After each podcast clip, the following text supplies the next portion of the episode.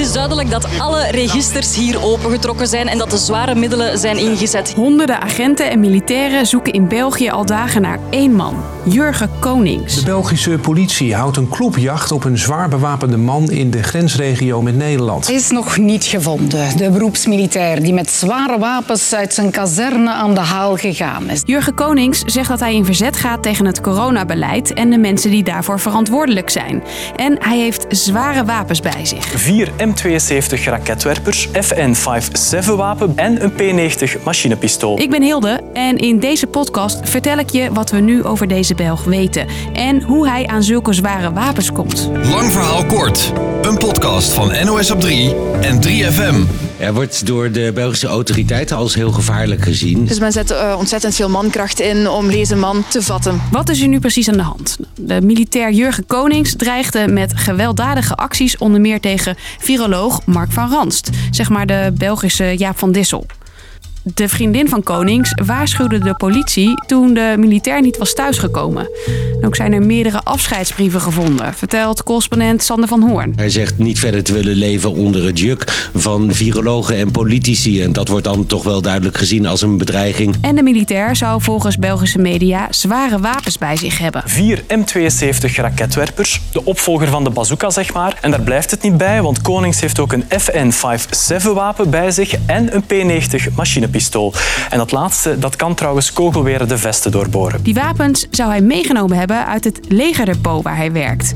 En dus wordt er met man en macht naar hem gezocht, vertelt deze Belgische verslaggever. Ontzettend veel wagens hebben weten af- en aanrijden. De speciale eenheden bijvoorbeeld met terreinwagens, maar ook met motto's. En we zagen ook de hondenbrigade. Zijn auto werd dinsdag gevonden bij een groot natuurpark in de buurt van de Nederlandse grens. Het is eigenlijk één groot bosrijk gebied met allemaal wegen er doorheen. Dus de vraag is natuurlijk ook of die hier nog in de buurt is. Zou ook in Nederland kunnen zitten, want die bossen die lopen door tot in de buurt van uh, Geleen. In de auto lagen de vier raketwerpers. Waarschijnlijk heeft hij die achtergelaten en de andere geweren meegenomen.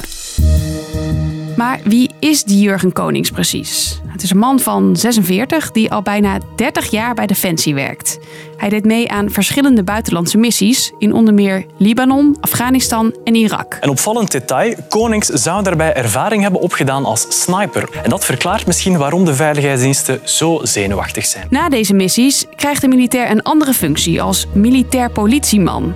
En dat is best een bijzondere baan, vertelt deze Belgische deskundige. Want dan moet je toch wel van een onberispelijk uh, gedrag vertonen. Op dat moment heeft hij ook een veiligheidsmachtiging. Dat is een document dat hem toestaat dat hij kan omgaan met vertrouwelijke of geheim informatie. In die tijd was Konings dus een echte voorbeeldmilitair. Maar dat houdt op zodra er geluiden komen dat hij vrienden zou zijn met een veroordeelde neonazi en banden zou hebben met een extreemrechtse club, Knights of Flanders. Een relatief nieuwe extreemrechtse groepering.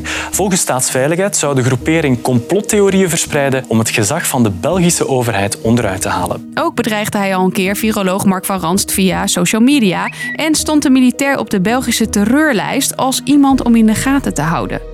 Hij mag bij Defensie blijven werken, maar krijgt wel een andere functie, meer achter de schermen, waarin hij militairen moet voorbereiden op buitenlandse missies. Als je dit zo hoort, dan klinkt het misschien alsof er al langer signalen zouden zijn dat de militair iemand iets aan wilde doen.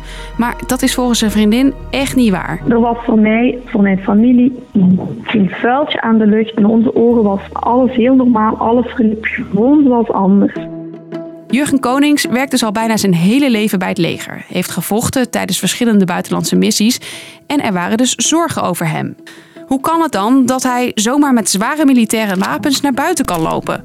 Dat vraagt de Belgische premier zich ook af. De echte vraag is natuurlijk, ja, hoe is dit mogelijk? Dat iemand die in het verleden al bedreigingen uh, geuit heeft, ja, dat die man binnen Defensie toegang heeft tot wapens. Hoe dat precies kan, wordt nu onderzocht. Maar we kunnen er wel al iets over zeggen. Zo moest Konings voor zijn werk nieuwe militairen voorbereiden op missies en daarbij hoorden ook schietoefeningen.